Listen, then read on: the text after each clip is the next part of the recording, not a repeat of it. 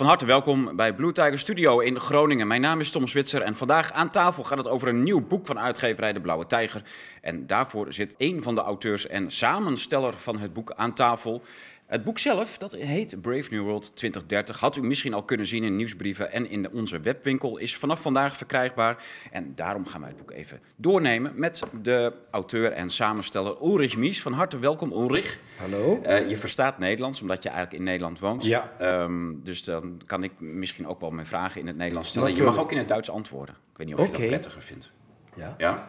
Um, leuk, dankjewel dat je in de, helemaal naar Groningen bent gekomen. Vanuit uh, Zuid-Limburg. Echt het extreem zuidelijkste puntje van Limburg ook nog.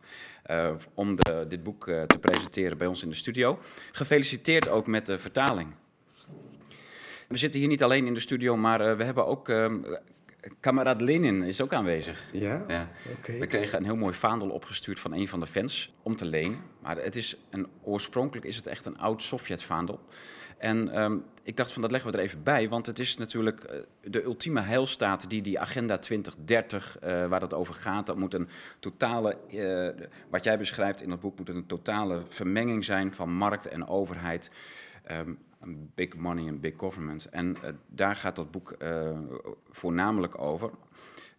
Auteurs als Ernst Wolf, een, een, een, een, mengelmoes van Duitse en Amerikaanse auteurs, geloof ja, ik. precies. De ondertitel heeft, heet De ondergang van de democratie en de opkomst van de totalitaire orde. Wat was het? Ik mag in, in Duits pra ja, praten? Zeker, ja. Ja, ja oké. Okay. Ja. Um, van harte bedankt voor de uitnodiging. En uh, ja, nu praat ik in Duits. Ja, dat is een goed. beetje uh, beter voor mij. Mm -hmm.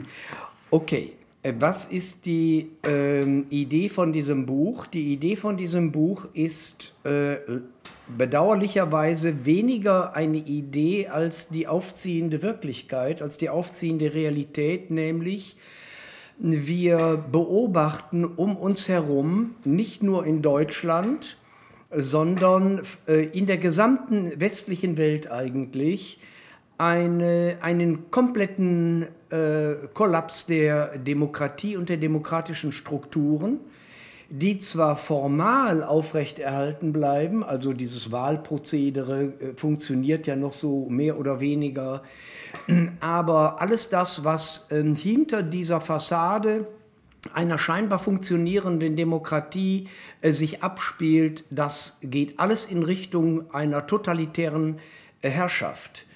Und wie gesagt, nicht nur in Deutschland. Und ähm, aus der Sicht aller Autoren und ich denke auch aus, äh, wenn, man, wenn man die Wirklichkeit ähm, äh, tiefergründig betrachtet, dann ähm, ist der Taktgeber, sind der, äh, Taktgeber sind die USA für die gesamte westliche Welt, ähm, und zwar auf finanzkapitalistischer Ebene, auf Konzernebene.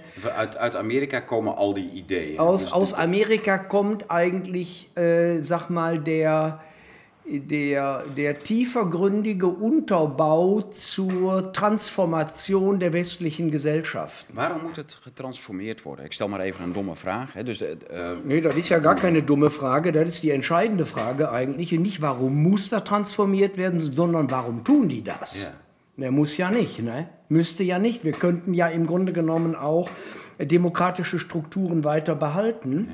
Ja. Nur man muss eben sehen, dass die USA äh, immer schon, insbesondere nach dem Zweiten Weltkrieg, in allen sicherheitspolitischen Papieren, in allen außenpolitischen Papieren, in allen, ich sag mal, kriegsstrategischen Papieren, ähm, offiziellen Papieren, immer ges geschrieben haben, we have to be the first, worldwide. Mhm. Und mh, wir bestimmen eigentlich den Gang der Dinge, so wie wir uns das vorstellen.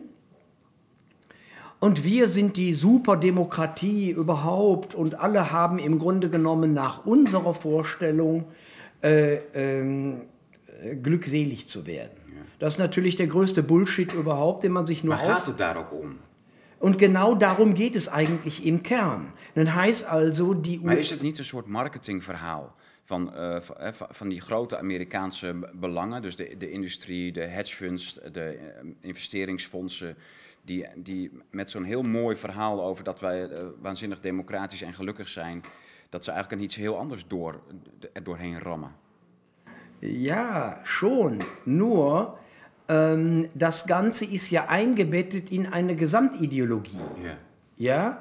Und ähm, natürlich dominieren die US-amerikanischen äh, Kapitalsammelstellen wie BlackRock, Vanguard, State Street, wie sie alle heißen, das sind ja, das sind ja Dutzende und Hunderte.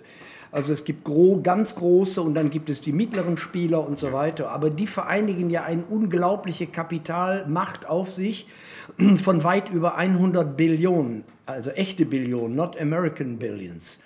Ähm, ähm, von, von Dollar und die können im Grunde genommen mit ihrer Finanzpower und ihrer Manipulationspower äh, ganze Regierungen aufkaufen, sie können Länder aufkaufen, sie können Industrien aufkaufen, sie können alles unterwandern mit ihrem Geld, sie können Parlamentarier kaufen, sie können ganze Parlamente kaufen und so weiter. Sie und können so Wette kaufen. Sie, sie, können alles kaufen. Ja, sie, ja. Können, sie können alles kaufen und sie kaufen auch alles.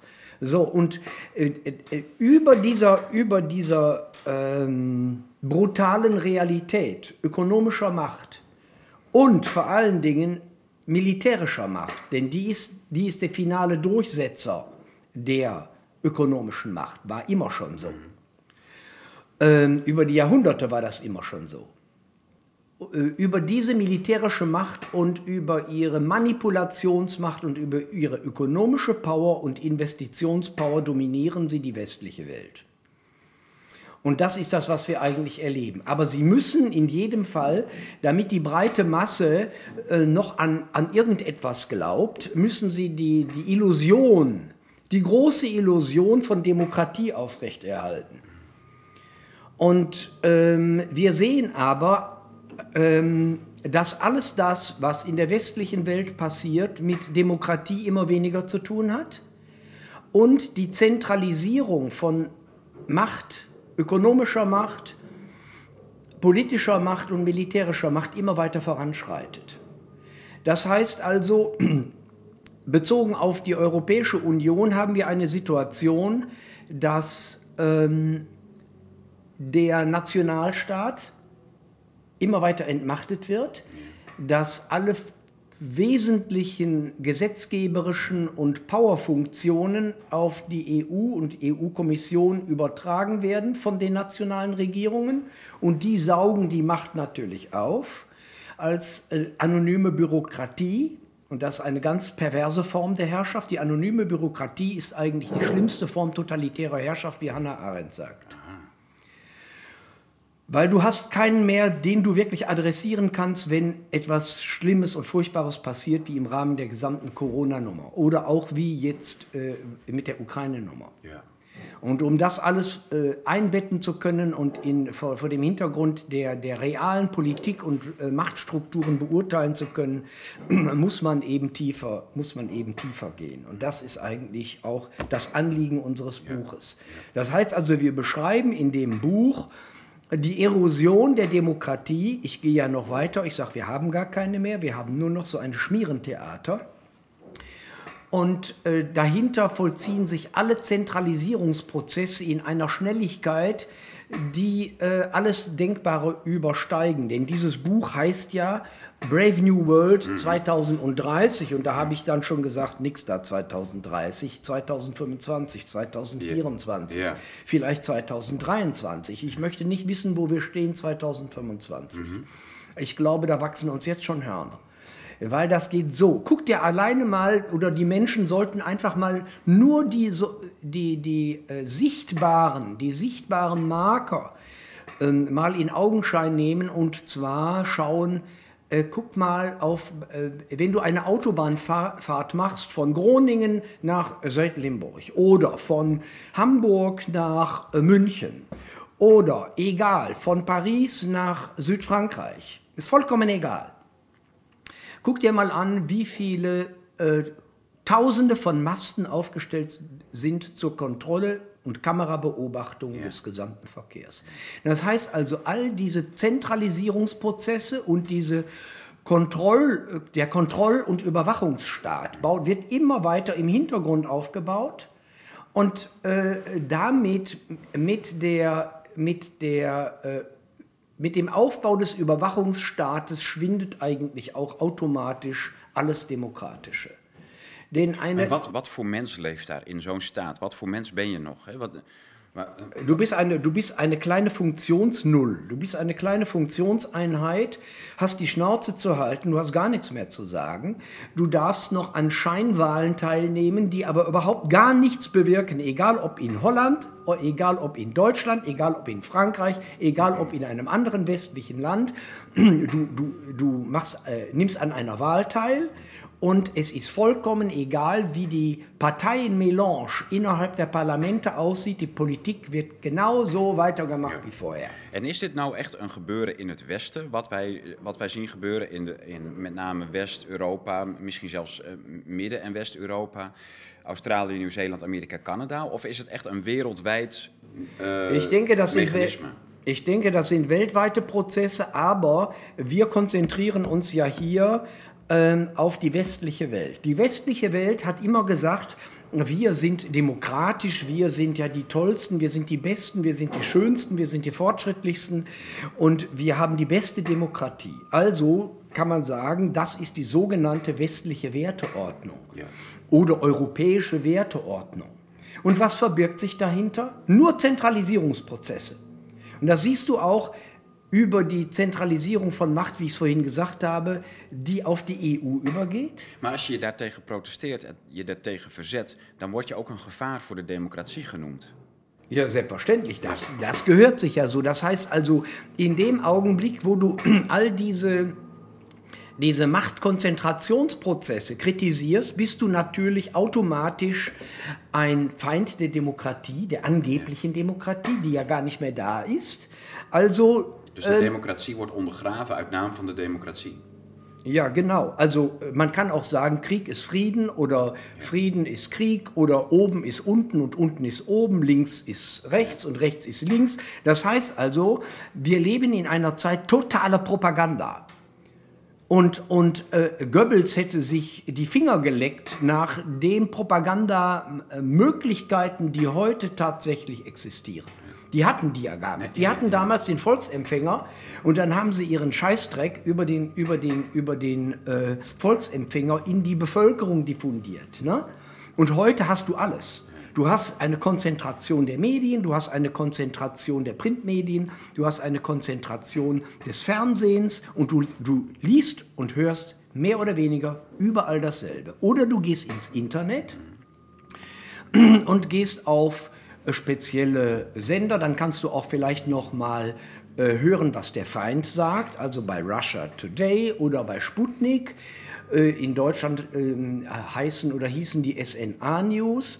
Dann hätte man noch mal die Möglichkeit, ah, was sagt denn der sogenannte Feind? Ja. Maar die mogen wij al nicht mehr hören. Und das ist auch nicht mehr. Nee. Das haben sie auch abgeschafft. Denn früher gab es ja, unter Hitler gab es ja die Todesstrafe, wenn du einen Feindsender gehört hast. Ja? Da war die Todesstrafe ja, drauf. Wenn du, wenn, du, wenn du britisches Radio gehört hast, ja. oh, das wurde aber lebensgefährlich. Hm? Um zu hören, was passiert denn jetzt hier wirklich?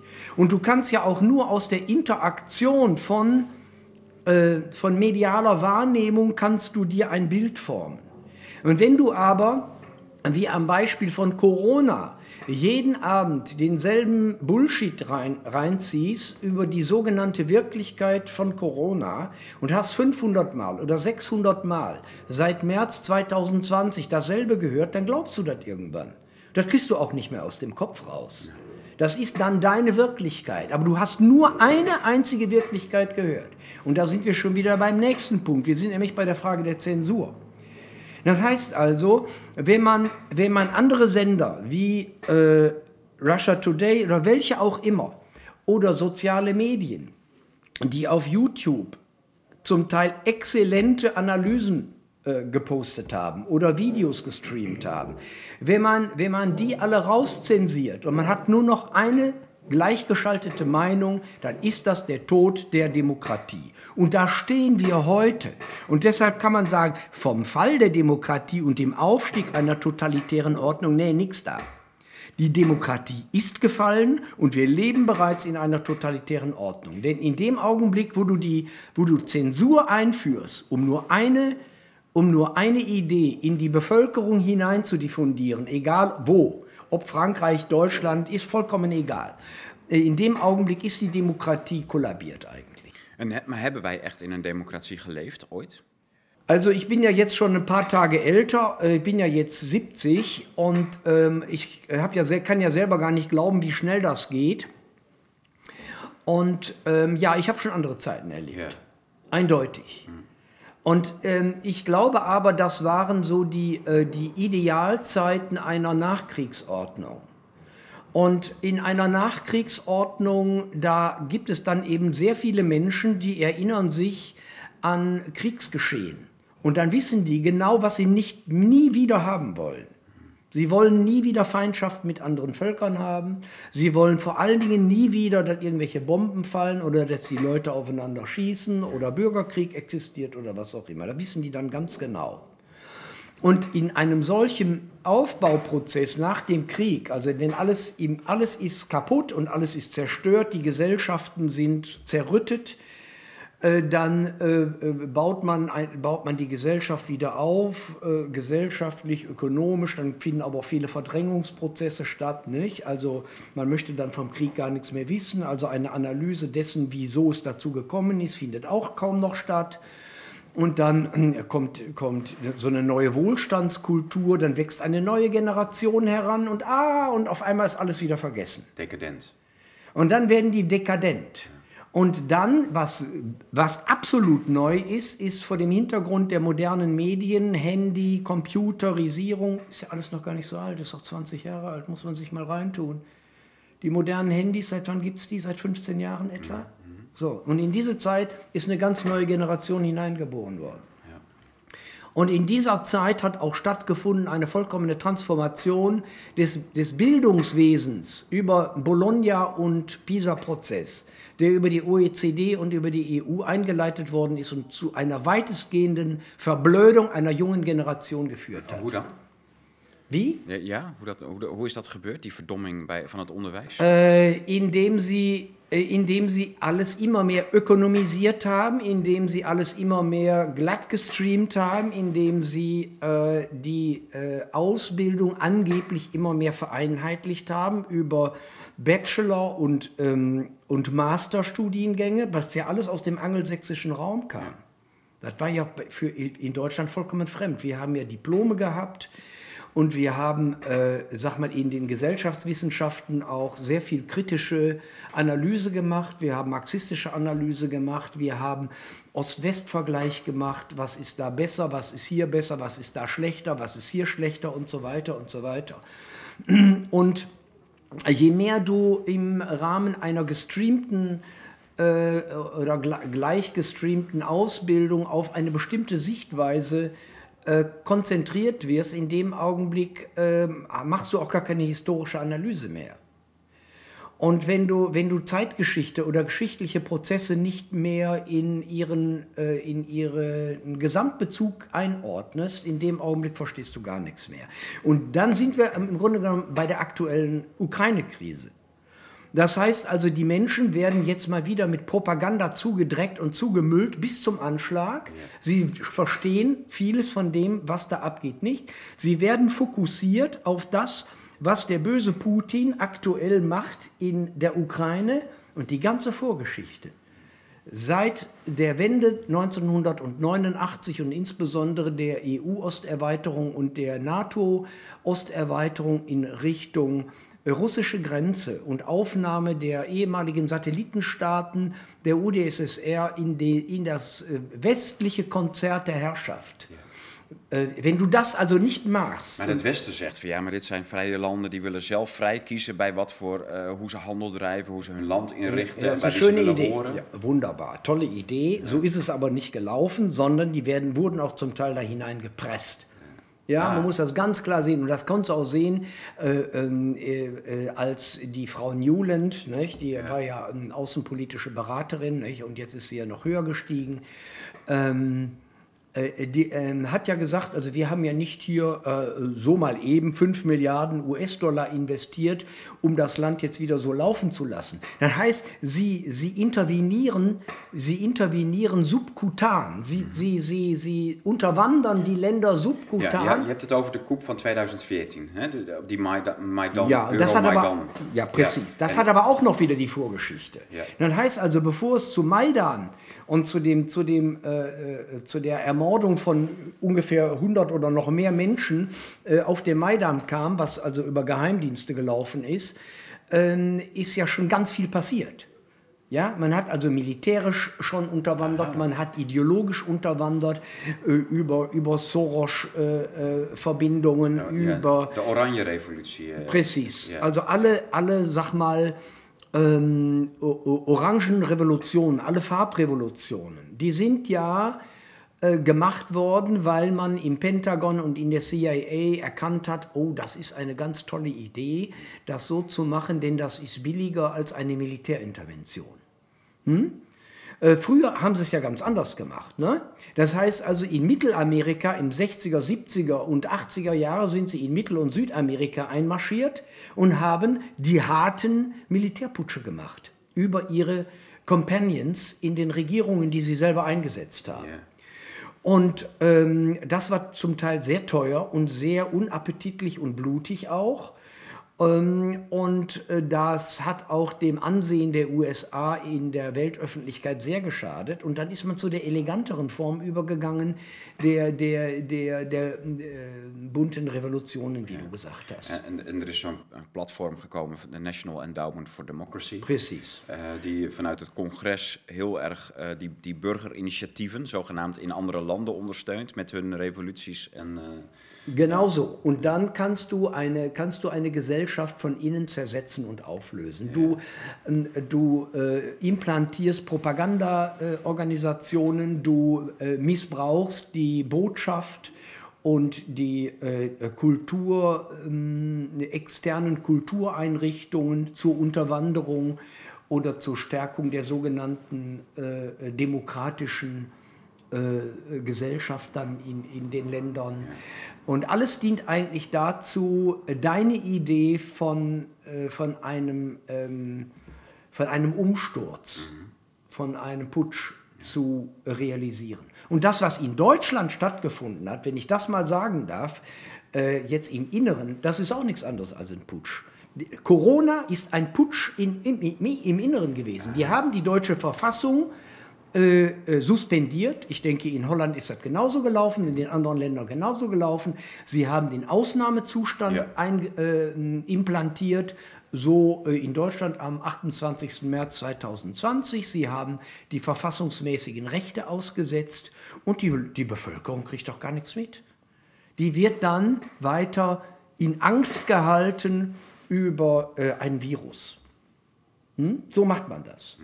Also man, man, man, man, man lenkt ab, man, man äh, geht hin und tut so, als würde die Demokratie weiter funktionieren. Tatsächlich räumt man die verfassungsmäßigen Rechte, die räumt man äh, untergründig ab. Und äh, man etabliert ein, eine Zensurherrschaft und ein, ein, ein biopolitisches, äh, eine biopolitische Hygienediktatur. Da stehen wir heute. En die biopolitiek, dat zie jij dat, dat wij, en wij, wij worden die vaccinaties eh, opgedrongen. Ehm, en, en dat is eigenlijk toch een soort ingreep in onze, in onze menselijke natuur. De- dus jij ziet wel degelijk mogelijkheden dat via dat vaccinatieprogramma, die verplichting, dat wij aangepast worden. Dat, dat er een soort vierde industriële revolutie, dat wij erop eh, geënt worden. Of Genau ist Hoe ja dat Ziel. Genau das ist das Ziel. Ähm, äh, ich habe ja immer gesagt, äh, also die große Sorge der Regierungen um die Gesundheit der Völker, das ist ja so ein hanebüchender Bullshit, das ist ja gar nicht mehr zu fassen. Also äh, auch da, wer den Verstand schon mal eingeschaltet hat, der weiß dann auch, die haben sich 50 Jahre lang äh, absolut einen Dreck geschert um die Volksgesundheit. Die, Ja? die geven daar niet om. Nee, da geht es überhaupt gar nicht drum. Das heißt, sie haben 50 Jahre lang zugelassen, wie schlechte Lebensmittel auf den Markt kamen, die Ja. die Leute immer fetter und dicker machten. Die wurden dann übergewichtig, die wurden, die wurden adipös, die kriegten Herz- und Kreislauferkrankungen, die kriegten Diabetes, äh, die kriegten äh, Krebserkrankungen explodierten und so weiter. Ja, Milliarden, Milliarden, Milliarden Aberschäden in den Gesellschaften selber. Und wenn man da etwas hätte dran tun wollen, dann hätte man das ja machen können. Man wollte aber gar nicht. So, und dann hat man diese, diese Nummer mit, mit äh, äh, Corona und mit dem mit dem Virus erfunden, um die Demokratien letztendlich zu zerstören und abzuräumen und eine biopolitische äh, äh, Diktatur einzurichten und die Bevölkerungen unter Kontrolle zu bekommen. Das ist das Einzige, was wirklich dahinter steht und du hast es ja auch schon gesagt. Es geht darum, in, der, in dem Zeitfenster der, der Corona-Angst oder einer anderen Virenangst, ist ja völlig egal, man kann ja wieder ein neues Virus da hineinsetzen oder ein neues Bakterium oder sonst etwas, ähm, um dann wieder die Legitimation zu haben, dich wieder zu vaccinieren und dich dabei zu halten. Und dann gehen sie auch noch hin und, und, und injizieren dir Stoffe in deinen Körper, von denen eigentlich bisher noch immer niemand weiß, was die wirklich mit dir machen und was die da anrichten und was sind die genauen, äh, was sind die genauen äh, ähm, Komponenten, die sie da in deinen Körper hineinbringen. Ja. Und äh, dann gehen die Regierungen auch noch hin als organisierte kriminelle Vereinigungen und, und, äh, und äh, stellen die Impfkonzerne von jeder Haftpflicht frei. Merkt man da irgendwas? Versteht man da noch irgendwas? We hebben nu net eh, in de afgelopen weken zijn die Pfizer-documenten vrijgekomen. Waarin beschreven staat wat Pfizer zelf aantrof met hun experimenten met die vaccinaties. En dus we, daar staan verschrikkelijke dingen in. En nog steeds heb je dus dat, dat dat soort bedrijven niet aansprakelijk zijn, niet aansprakelijk te stellen zijn voor de schade die ze aanrichten. Ja, dafür haben die Regierungen gesorgt. Ja. In den USA, soweit ich weiß, bereits 1998. Geht also weit zurück. Und dann haben die das weltweit über die WHO, äh, von der man ja meinen könnte, sie sei eine internationale Organisation zum Wohle der Menschheit, ist sie natürlich nicht, weil sie ist letztendlich von Privatinteressen übernommen worden von den großen äh, Pharma- und Impfkonzernen, die massiv investieren. Bill und Melinda Gates Stiftung spielt eine ganz große Rolle bei der, bei der WHO und so weiter. Also im Grunde genommen sind die hingegangen im Laufe der letzten 20, 30 Jahre und haben weite Teile der internationalen Organisationen von oben übernommen, die Konzerne. Und ähm, genauso wie die EU übernommen worden ist von Konzerninteressen und genauso wie ich sage, beispielsweise die deutsche Re- Regierung ist nichts anderes als eine Dus Konzernregierung. jij zegt eigenlijk, eh, oh, het gaat eigenlijk niet meer tussen staten. Dus dat, dat, dat, er zit nu een enorm, wa- wat interessant is wat je nu ziet, is dat bijvoorbeeld de kwestie van Poetin. Die zit, als het op de Oekraïne aankomt, staan het Westen en Rusland lijnrecht tegenover elkaar. En is Poetin nu de nieuwe Hitler. Ja. Maar je, tijdens de coronacrisis zag je hem gewoon meegaan met de richtlijnen van de WHO, met de, met de eh, vaccinatieplicht en dergelijke. genau, genau. Hoe, hoe denk jij daarover? Ich, ich sitzt. bin davon absolut überzeugt, dass äh, Sie gemerkt haben, also die Corona, äh, das Corona-Narrativ, die Corona-Geschichte, die Corona-Erzählung, äh, die kommt so langsam auch ähm, an ihr Ende. Es gibt äh, zu viele Widersprüche, äh, auch wenn die breiten Medien davon gar nichts wissen wollen und die ja auch nie, äh, die Bevölkerung ja auch nicht aufklären. Es gibt immer mehr ähm, Komplikationen, auch durch die Vaccinasi. Viele Menschen haben auch äh, äh, Angehörige verloren, vor allen Dingen ältere Menschen, die zu Tode gekommen sind sogar. Es gibt immer mehr Menschen, die Impfschäden haben, äh, Vaccinasi-Probleme haben, gesundheitlicher Art. Und das ähm, äh, äh, kommt auch in die, in, so langsam diffundiert das in die Öffentlichkeit. Und dann haben sie sich gesagt, okay, wir machen das mit dem, mit der, mit dem Corona-Narrativ weiter. Wir müssen die Bevölkerung ja weiter in Angst und Schrecken halten. aber gleichzeitig bauen wir ein neues Bedrohungsszenarium auf, nämlich das böse Russland. Und Maar dat da- was er al. das war schon, da hast du vollkommen recht, nur sie sind ja immer weitergegangen und die, äh, die äh, Ostprovinzen äh, der Ukraine waren ja immer äh, sehr, sehr russlandfreundlich oder sind sehr russlandfreundlich. Und da fingen sie wieder an hineinzuschießen von Seiten der, der Ukraine. Und da hat dann Putin gesagt, so jetzt ist Feierabend, ihr fangt hier an, eine, eine, eine neue Sauerei zu inszenieren und wollt letztendlich so äh, Syrien 2.0 machen Ja. und wollt Flüchtlingsströme produzieren und wollt Russland immer weiter unter Druck setzen und letztendlich auch so etwas machen, wie sie in, im Jugoslawienkrieg gemacht haben, nämlich äh, Ethnik, äh, äh, wie heißt das noch, äh, äh, ethnische Säuberung. Ja. Ja? Ja. Ähm, das heißt also, wenn man also äh, ganz bestimmte Volksgruppen aus einem Staat hinausdrängt, ist das, ist das eine ethnische Säuberung. Und dann hätte man von Seiten der Ukraine, wollte man diese, diese Ost... Äh, äh, ukrainischen äh, Querulanten sowieso, die dann ja russlandfreundlich sind, die wollte man ja letztendlich raushaben und dann hätte, hätte Russland noch wieder einen riesen Flüchtlingsstrom bekommen und so weiter. Also so mischt man eigentlich Konflikte auf und hoch Maar wat was nou precies het punt dat Poetin zei: eh, Ik kan niet anders dan nu Oekraïne binnenvallen? Das kann ich letztendlich nicht beurteilen. Ich würde mal sagen, äh, Putin hatte die Schnauze bis zum Anschlag voll, weil er merkte, wir werden immer weiter in die Enge getrieben. Und dann gab es die Riesendiskussion um Nord Stream 2, die weitere Aufrüstung der NATO. Es gab ja äh, hunderte von äh, Militäroperationen, äh, Militärübungen, Militärexercises, Militär... Ook in Oekraïne.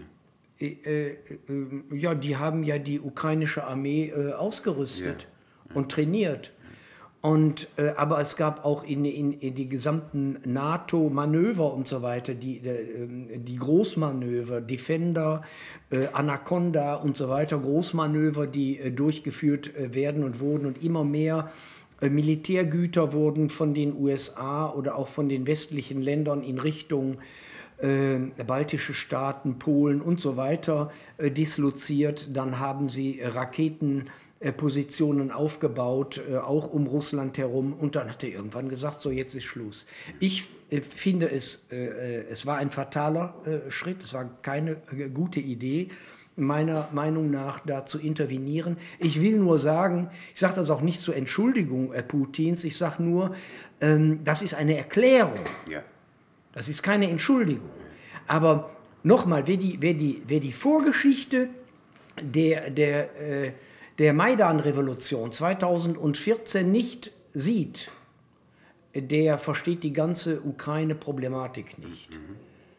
Ja, und da geht es um Geopolitik. Und Geopolitik hat mit Moral überhaupt nichts zu tun. Gar nichts. Maar, maar waarom zie je dan Poetin, als het op corona aankomt, eigenlijk hetzelfde doen als alle andere westerse leiders, eh, en namelijk de WHO-agenda uitvoeren? Eh, maar eh, op geopolitiek is hij dan in één keer de, de vijand van, de, van degene waar hij op WHO-niveau mee samenwerkt. Ja, das ist ja noch die Frage, wie weit werkt er da zusammen? Die haben ja auch eigene Impfstoffe entwickelt, die also, Sputnik. die also genau, die also nicht so sehr in deine neu, in deine ganze äh, Genstruktur äh, hineinwirken, die auch nicht diese ganzen äh, ähm, Begleitstoffe äh, haben, äh, die äh, in deinen Körper hineingebracht werden. Also Sputnik, soweit ich ähm, äh, informiert bin, ist ein traditioneller Impfstoff der äh, äh, also mit dem nicht die Absichten verbunden sind, mit, äh, die mit dem Pfizer und sonstigen äh, ähm, Impfstoffen, die hier im Westen verimpft werden, verbunden sind. Und was äh, Freunde mir aus Russland berichtet haben, äh, da haben wir nicht so diese, diese, ähm, diese Wächtermentalität wie in Deutschland, nicht? Das ist ganz schlimm. Nicht? Wenn da die Maske in, in, in, in irgendwo nicht richtig sitzt, dann kriegst du schon wieder einen Anschiss von irgendeinem Idioten draußen, der meint, sein Leben sei gefährdet oder so, ja. Also äh, äh, ähm, ich glaube, dass äh, diese ganze Corona-Nummer in Russland äh, weniger äh, hart und intensiv äh, ähm, durchexerziert wird äh, als hier im Westen. Und ähm, die große Frage ist natürlich, was beabsichtigen die mit, diesem, mit dieser Verimpfung, mit dieser Dauerverimpfung, mit dieser Biopolitik? Und da sage ich, sie wollen einen anderen Menschen schaffen, äh, mittel- bis langfristig. Sie wollen, sie wollen dich vernetzen mit 5G oder 6G. Und ähm, sie wollen äh, die totale Zensur und sie wollen einen komplett digitalisierten äh, Cyborg als Menschensklaven herstellen. Eine Art Robotmensch äh, äh, auf transhumanistischer Basis. Hoe ziet zo'n mens eruit dan? Keine Ahnung, wie der letztendlich aussieht. Du siehst also, du bist also noch ein Mensch aus Fleisch und Blut, aber du bist im Grunde genommen von außen steuerbar. Da wollen die hin. Du bist von außen kontrollierbar und bist steuerbar. Sie wollen in dein Gehirn, sie wollen dir, äh, sie wollen irgendwann auch deine Gedanken lesen können und sie wollen auch deine Gedanken steuern können. Da wollen die hin. Juist. Und das ist natürlich für, für äh, die totalitäre, eine totalitäre zentralistische Herrschaftsstruktur ideal. Was Besseres gibt es nicht. Ja. Und insbesondere auch, wenn man dann moderne Kriege führen will, gegen alle diejenigen, die noch nicht mitmachen und auf Linie sind, dann hast du Soldaten, die sind im Grunde genommen so Fleisch- und Blut-Robots. Hm, wenn du die total kontrollieren Ja, kannst. ja. Und äh, wenn du das aber auch mit der Zivilgesellschaft machen kannst, ist das fantastisch. Dat, dat hebben we äh, toch, äh, ja. dat hebben we toch de afgelopen tijd wel gezien, ook met die grote coronademonstraties, dat we te maken kregen met eh, politie, politie en eh, leger, soldaten, die, die, waar je eigenlijk niks menselijks meer in kunt zien, die, die heel erg gestuurd worden. Eh, Ich denke, das ist ein ganz wichtiger Hinweis, den du da bringst. Das heißt also, äh, sie, sie gehen ja immer mehr hin, die zivile Polizei abzuschaffen. Ne, früher hatten wir doch auch noch mal so nette Polizisten, nette Dorfpolizisten, die haben nach der Ordnung geschaut äh, und, und waren auch mehr oder weniger auch äh, gut äh, installiert in der Gesellschaft und freundlich.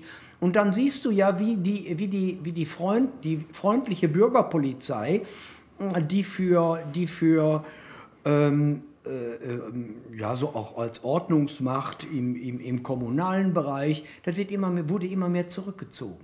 In Südlimburg kannst du eigentlich mal suchen, wann da irgendwie noch eine Polizei ist. Die Polizeistationen wurden abgebaut, du sollst dich auch gar nicht mehr beschweren können, du sollst auch keine Angifte mehr machen können, du sollst gar nicht mehr lästig fallen können.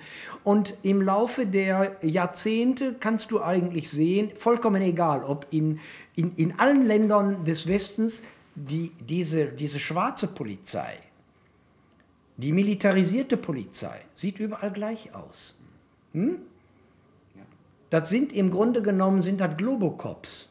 Ja, dat, zijn, d- d- eh, ja, dat zijn jongens van tussen de 20 en de 30 jaar. Hè. Dat zijn echt van die enorme spierbundels zonder geweten. Die, wa- wat ze ook gezegd wordt, ze doen het. Erop Sie, du, sie, und sie wissen auch nichts, sie Ja. wissen nichts, sie sind vollkommen äh, Ja. eingenordet, sie sind im Grunde genommen Soldaten. Ja. Sie sind Soldaten, die nach Befehl und Gehorsam, Bevel is bevel. Befehl ist Befehl äh, und sie funktionieren danach meistens auch. Und diejenigen, die irgendwie noch, äh, sagen wir mal, Kontakt haben zu ihrer Familie, die Kontakt haben zu den Bürgern, die müssen eigentlich aus dieser Struktur raus, um, äh, um Globocop, wie äh, äh, Catherine Austin Fitz sagt ja Globo, Globocop, glaube ich, sagt Okay, die. Ne? ja. Oder, oder die, die, Ja, die heeft, die- heeft meer mooie woorden. Ja, ja. Glo, Glo, Globocop en Globo, Globalisten ja, und, und Mr. so. Global. Mr. Global, um, um, diesen, um diesen zentralistischen Strukturen komplett zu dienen. Und dafür brauchst du eine harmonisierte äh, Ausbildung oder äh, Gleichschaltung der Polizei, des Militärs, der Medien, äh, des Fernsehens und so weiter. Und dann äh, äh, äh, ist interessant natürlich, wie, wie das gemacht wird. Und je mehr du das gleich, gleichschaltest in die, in die Militär- und Polizeistrukturen hinein und in die Zivilgesellschaft hinein, umso idealer ist das für die totalitäre Ordnung. Weer, eh, hoe heb je dat probleem van die totalitaire orde, als het al een orde is, maar in ieder geval hè, dat hele beeld wat je nu eh, geschetst hebt, hoe heb je dat eigenlijk in verschillende aspecten uitgewerkt in dit boek? Ja, wir haben, also die, die, die, verschiedenen Autoren haben sich ja unterschiedliche Schwerpunkte ja. natürlich vorgenommen. Ähm, ähm, äh, Anselm Lenz und ich haben den ersten Aufsatz geschrieben. Die Einleitung hat ja Hannes Hofbauer vom Verlag geschrieben und versucht so eine Gesamtordnung äh, oder eine Gesamtschau äh, darzustellen. Ähm, ja, dann Matthias Burchardt als Philosoph hat sich äh, äh als besorgter Familienvater auch ähm, äh, geäußert ja. und über die äh, Entwicklungen äh, geschrieben, die er so sieht und wie eine, eine ehemals ähm, humane Gesellschaft letztendlich immer mehr äh, kollabiert und auch immer mehr gespalten wird. Ja? ja? Das machen Sie ja auch mit, da haben wir noch gar nicht drüber gesprochen, äh, äh, Tom, ähm, wie, wie, Sie äh, es hervorragend hinbekommen, auf die Mehrheit gleichzuschalten und diejenigen, die nicht so wollen wie Sie, äh, zu Feinden zu machen. Ja. Nee, we ja, dus we, hebben, we hebben niet alleen een vijandbeeld buiten, hè, dus Poetin, de grote genau, Rus, maar genau. we hebben ook een vijandbeeld binnenin. Absolut. Ja. Wir, und darum sage ich in meinem äh, Aufsatz nachher, wie, Sie haben die Kriegführung, die Sie nach außen im Grunde genommen seit äh, Ende des Zweiten Weltkrieges betreiben, als äh, imperialistischer Westen oder imperialistische USA als größte ökonomische und militärische Macht des Westens mit ihren Hilfssatelliten äh, in, in Europa, ähm, dass sie äh, diesen Krieg, den sie nach außen permanent geführt haben, mit, mit, mit Dutzenden äh, endlosen Kriegen, äh, über die sich viele Menschen gar nicht im Klaren sind, wo die alle stattgefunden haben. Äh, nun weiterführen nach innen. Sie führen Krieg nach innen gegen die eigenen Völker. Ja. Und das machen sie mit der, mit der Biopolitik und mit der, mit der Hygienediktatur. Ja? Ähm, ja Ernst Wolf ähm, äh, macht einen Entwurf äh, zur äh, Digital- und Finanzdiktatur, die ja. er äh, zusammensieht. Ähm, ich selber finde diesen Aspekt äh, sehr, sehr interessant. Mhm. Ich, ich auch, ja. Gehe da, äh, gehe, wir gehen aber darüber noch hinaus, okay. weil wir sagen, es ist ja nicht nur die Digital- und Finanzdiktatur, sondern äh, der gesamte militärisch-industrielle Sicherheits- und Manipulations- und Zensurkomplex gehört dazu. Und es ist ein, eine unglaubliche, eine unglaubliche ja. Macht, die letztendlich gegen Demokratie und Zivilgesellschaft arbeitet. Het, het sterke van, van jouw boek is dat het eigenlijk heel duidelijk maakt wat er nu op het spel staat. Dat het een hele harde kant heeft. In die, in die zin van, het er komt een financiële dictatuur aan. Maar dat er ook met, met, met waarde, dus met, dat er een zachte kant aan zit. Dus dat er ook een transformatie aan zit te komen op het gebied van gezin. Uh, onder, ondernemen, Totaal, je, je, levenswaarde. En die, en die zachte en harde oorlogsvoering worden tegelijkertijd uitgerold.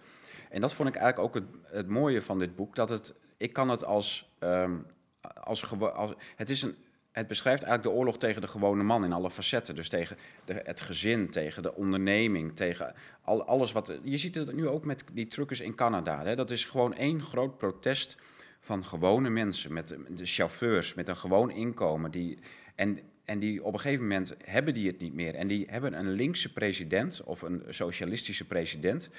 En die gaan eigenlijk demo, staken in, in feite. En, en die, dat je eigenlijk door je eigen uh, mensen verraden wordt als gewone man. die strijd is op dit moment zo omvangrijk in het Westen gaande.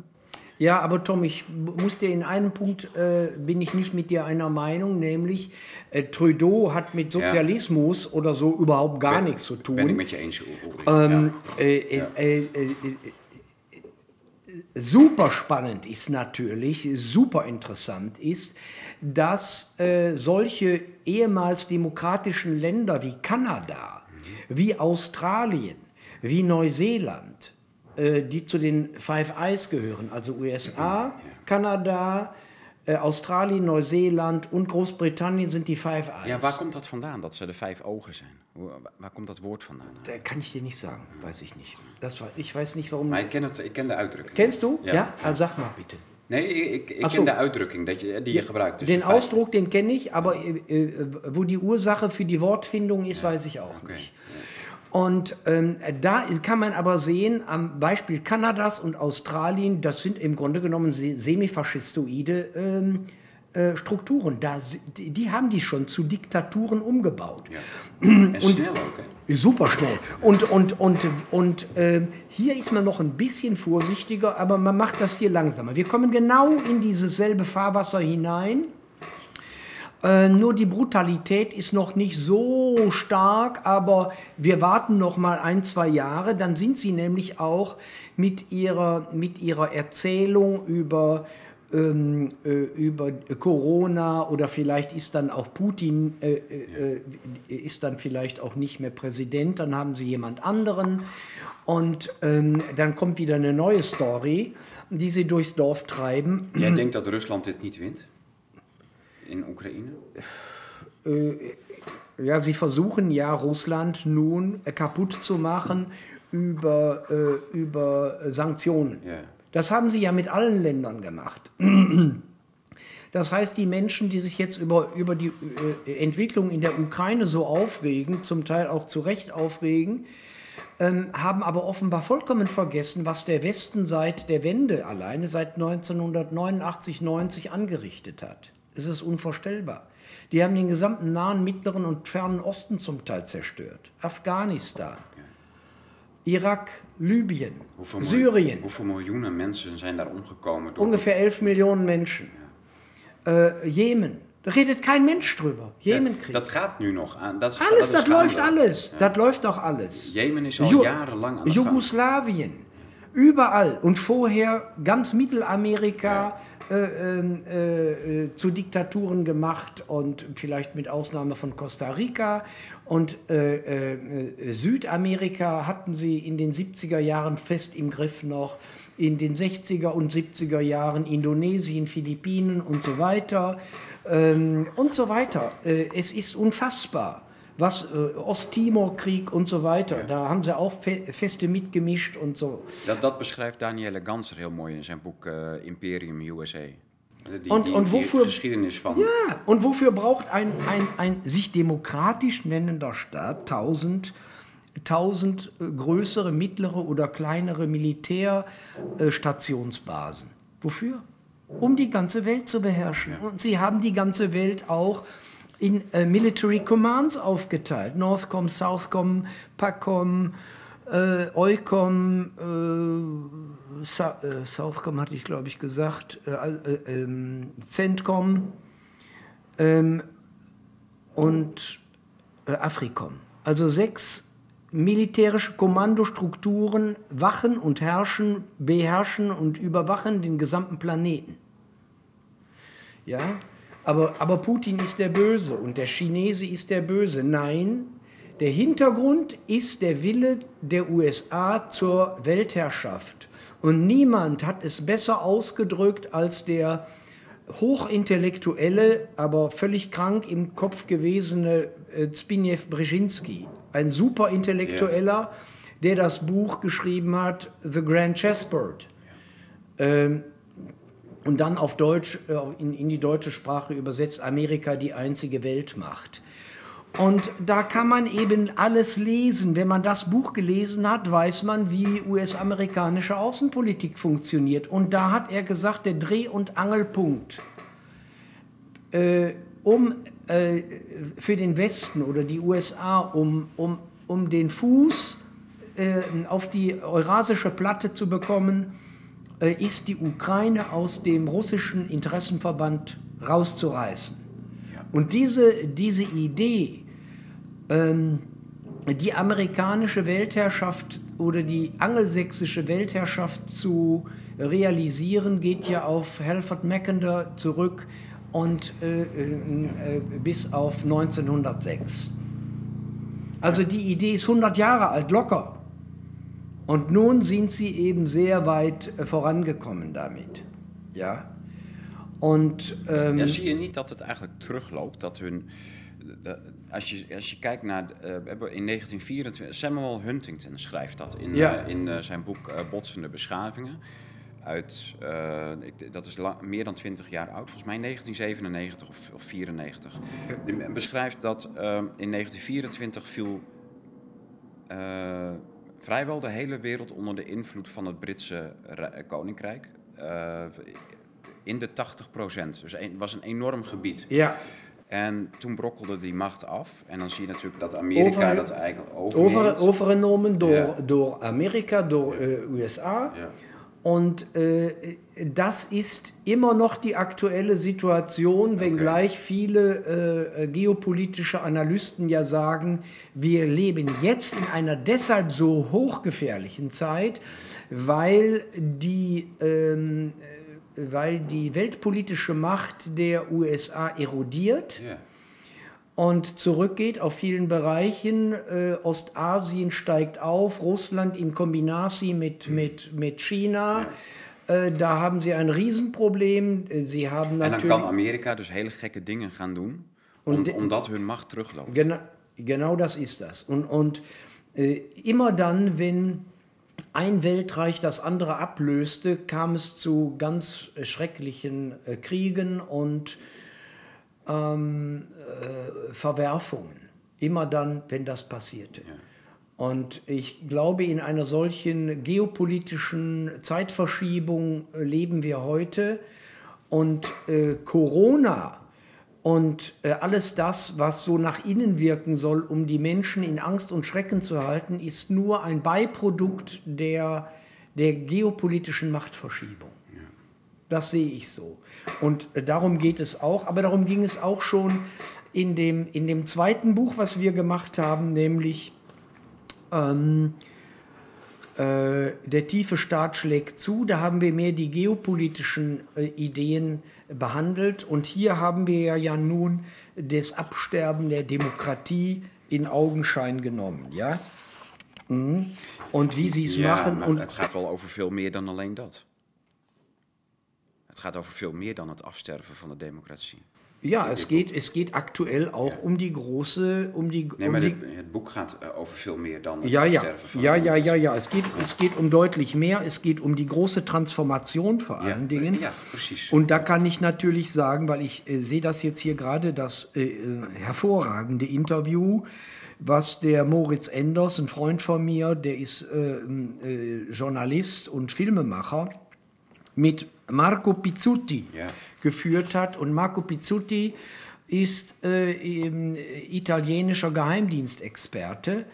Und äh, ich finde, er hat alles auf den Punkt gebracht, worum es, worum es hier geht. Und das muss man unbedingt lesen. Dann hat man sehr, sehr viel verstanden von den, von den Gesamtproblemen. Marco Pizzuti, ich weiß gar nicht, hat 15 oder 20 Bücher über über äh, ähm, die Ge äh, Geheimdienste geschrieben und es gibt eben exzellente, hervorragende äh, Aldo Giannulli äh, auch äh, hat 20 Bücher über, über, den, ähm, über die Mafia geschrieben, über wie, wie Geheimgesellschaften funktionieren, wie sie arbeiten, wie sie die Gesellschaft unterwandern und so weiter. Und äh, Marco Pizzuti ähm, macht eben äh, eine, eine Gesamtschau dieser, dieser Problematik, in der wir leben, äh, auf. Ja.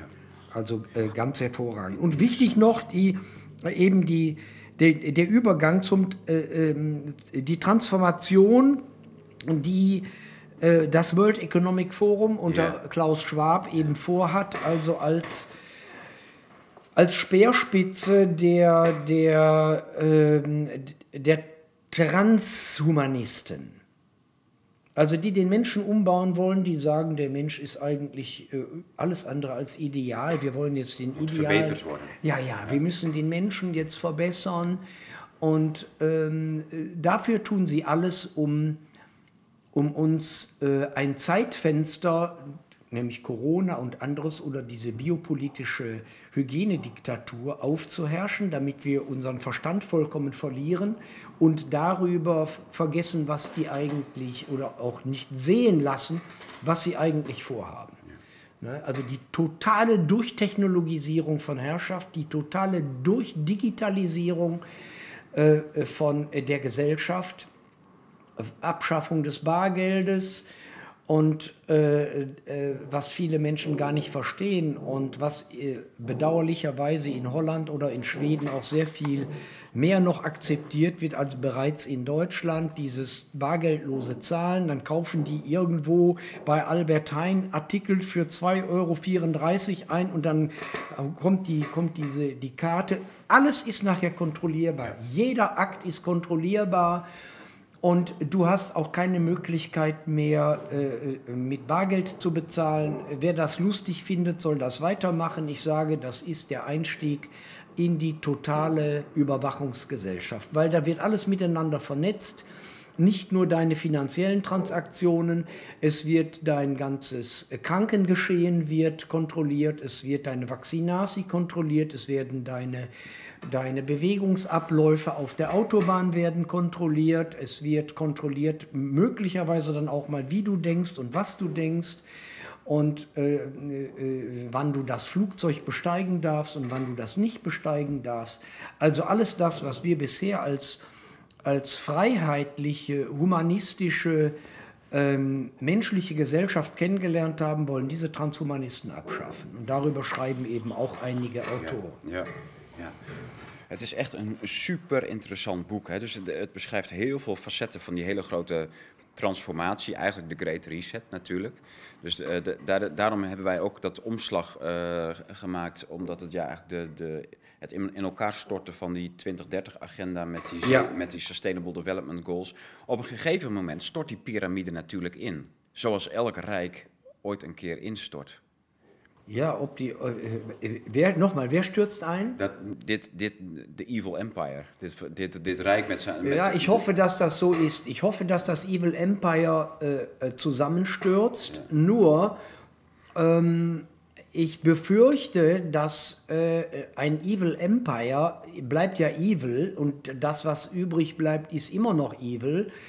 Und ähm, wir können mit dem, was wir machen, ja nur versuchen, die, eine, eine etwas breitere Öffentlichkeit zu erreichen, auch wenn ich da keine großen Illusionen habe, denn die breite Öffentlichkeit von 80 oder, oder wie viel Prozent der Bevölkerung ist fixiert auf die, auf die Brainwash-Medien. Äh, äh, Und äh, wir sind, wir, sag mal, der, The Evil Empire weiß genau, was wir machen und Evil Empire macht uns zu Bösen, zu Rechtsradikalen, zu Putin-Verstehern, zu Anti-Vaccinasi-Idioten und so weiter. Sie müssen, sie müssen uns dämonisieren, um von ihrem eigenen dämonischen und satanischen Großprojekt abzulenken.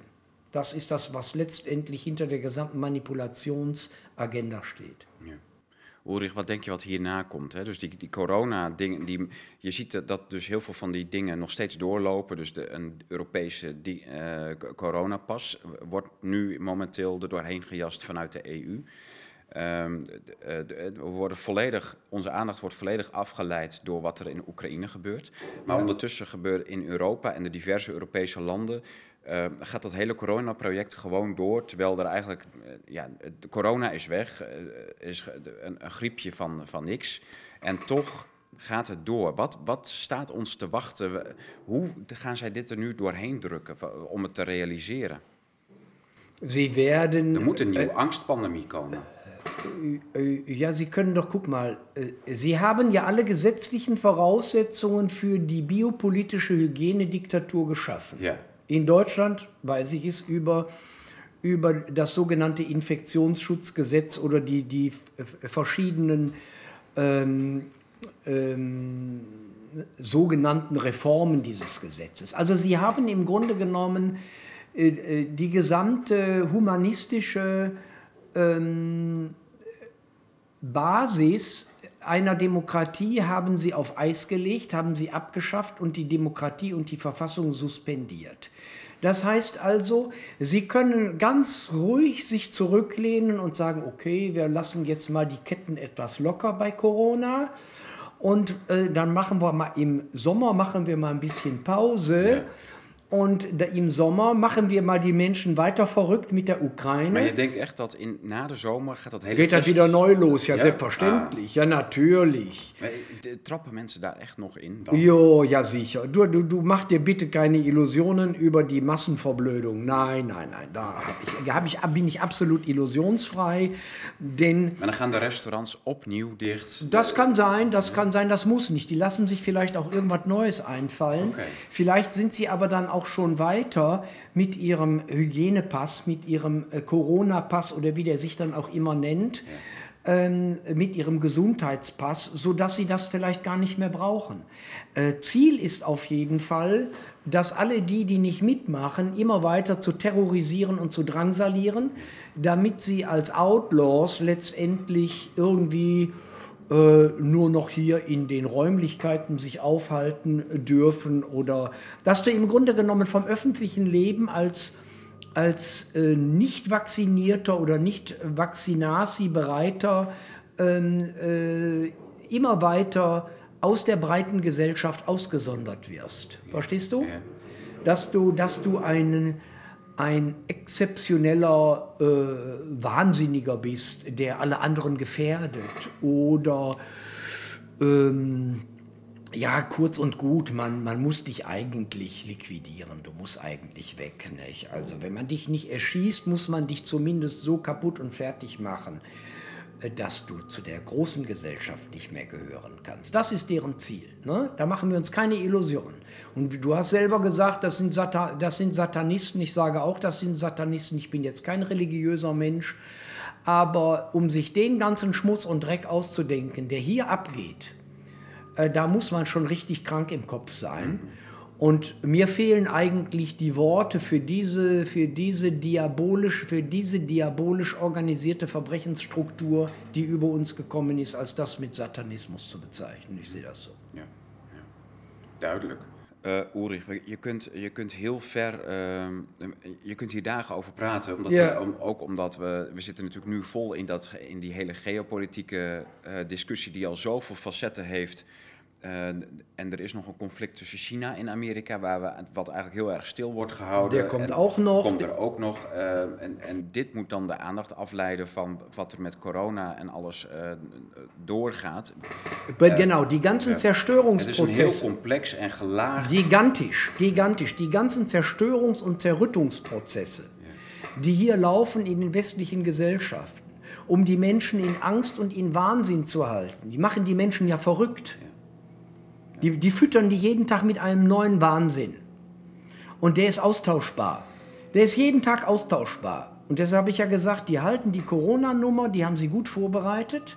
Die Idiotisierung der Gesellschaft ist gut vorbereitet. Und dann kommen sie im Herbst, kommen sie mit irgendetwas Neuem. Achte drauf.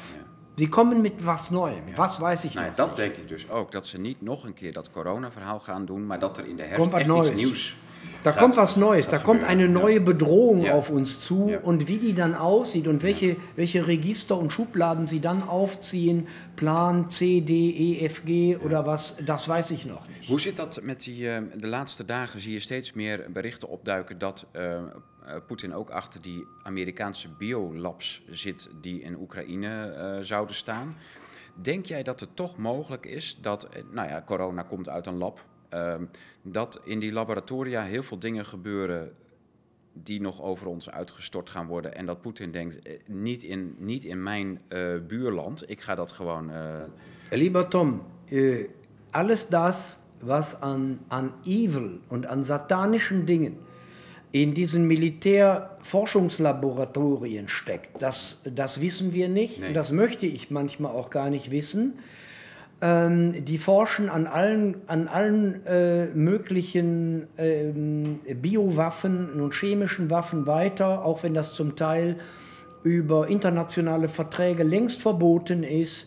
Ähm, und ähm, äh, der Kees van der Pijl hat ja in seinem exzellenten Buch, was jeder lesen sollte, denn dann hat er keine Illusionen mehr über diese Corona-Nummer. Äh, äh, sag nochmal, wie heißt das auf, auf Niederländisch? Pandemie van de angst. Pandemie van der Angst. Ähm, äh, ein, ein nochmal, ein super Buch, Leute, lest dieses Buch. Und äh, Kees sagt ja, äh, äh, es ist sehr, sehr wahrscheinlich oder mehr oder weniger sicher, dass diese, dieses ganze Corona-Virus ein Laboratoriumsvirus ist, was sie in die Welt gesetzt haben. Und das, ich kann das nicht beurteilen, ich halte aber alles für möglich. Het is een mogelijkheid, een hele realistische Dat is een heel, mogelijkheid. heel, heel, heel realistische Möglichkeit. Und, und ähm, dann stellt sich doch die Frage, diese ganzen äh, Militärlabore, die äh, um Russland herum äh, von den USA etabliert worden sind, was machen die denn? Machen die etwas zum Wohl der Menschheit? Wohl kaum. Die machen etwas, um äh, Russland immer mehr unter Druck zu setzen. Immer mehr unter Druck zu setzen. Unter militärischen Druck, unter, unter Stress zu setzen, unter ökonomischen Druck, äh, über Sanktionen äh, und so weiter und so weiter. Die Lieferketten werden jetzt zerstört gerade. Äh, Wir haben auch Freunde, die mit, mit äh, Russland äh, Handel treiben. Das wird alles verunmöglicht. Möglicherweise werden sie noch aus dem SWIFT-Abkommen aussteigen. Wir wissen noch gar nicht, wie weit die gehen wollen. Die USA und die westlichen Vasallen sind mit Sicherheit entschlossen, jetzt ähm, alles auf eine Karte zu setzen. Und so krank das ist, sie beschädigen sich ja selber endlos. Und die USA sind bereit, Europa, und das ist nochmal die letzte Ansprache an die, an die Zuhörer und, und Zuhörerinnen, die USA setzen auch alles auf die Karte und werden auch alles tun und werden auch Europa um jeden Preis opfern, wenn sie die geopolitische Vorherrschaft äh, äh, beibehalten können. Sie werden Europa opfern, gnadenlos. Voor Amerika is Europa echt een, eh, ehm, een, een, hele belangrijke speel op het Eurasiatische continent. Absoluut, absoluut. En, en ze, dus ze hebben eigenlijk, Europa moet gescheiden blijven van Rusland. En China moet weer op een hele andere manier aangepakt worden. Maar als je op het moment dat je ziet hè, dat die Amerikaanse biolabs, die zitten dus in heel eh, nou ja, ook twee of drie in Duitsland heb ik gezien, Marburg en Hamburg. Ehm, eh, maar Oekraïne en dan een heel, heel aantal ook in Zuidoost-Azië en China. Nou, het Wuhan Lab was deels een Amerikaans biolab.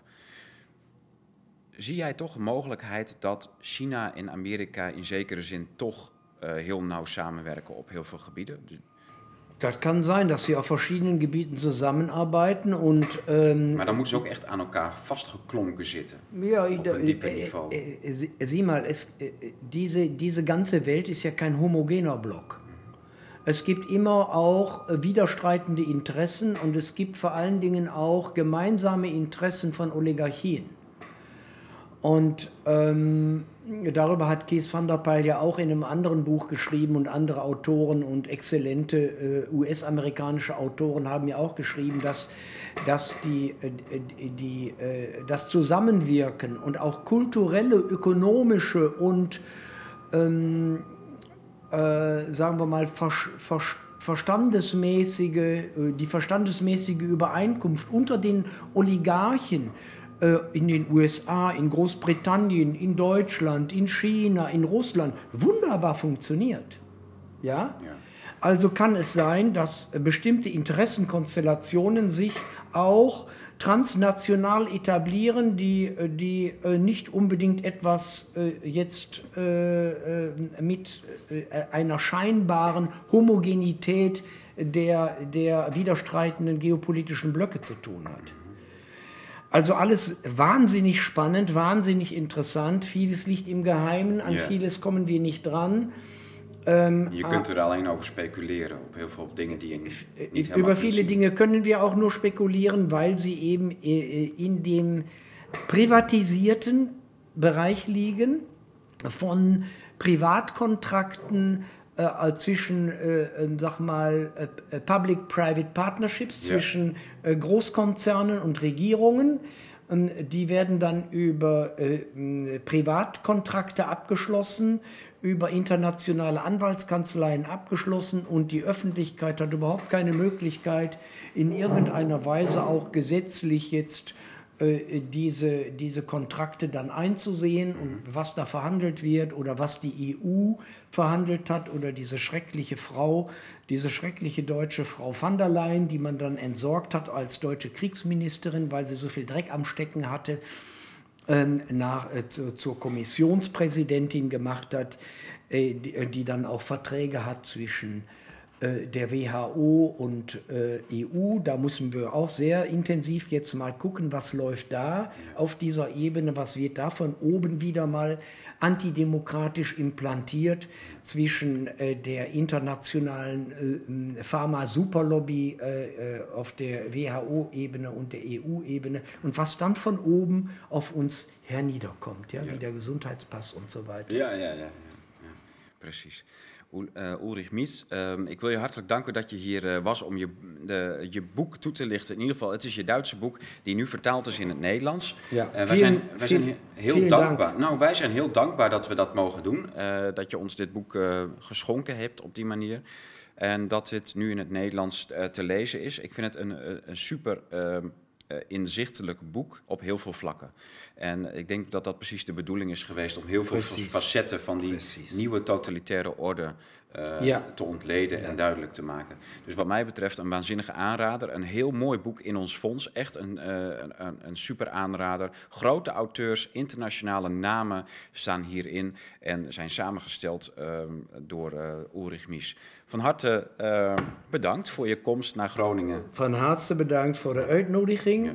En van harte bedankt ook aan de mensen die geluisterd hebben en gezien hebben wat wij hebben gesproken. Dankjewel Ulrich. Bedankt. Veel succes met je werk. Uh, jij bent uh, niet iemand om stil te zitten, dus ik denk dat je wel weer met andere uh, ja, werken, zeker boeken bezig bent. Of, ja. ja, ja. Prachtig. Ik ben benieuwd wat er aankomt. heel veel succes daarmee. Oké, okay. van harte bedankt.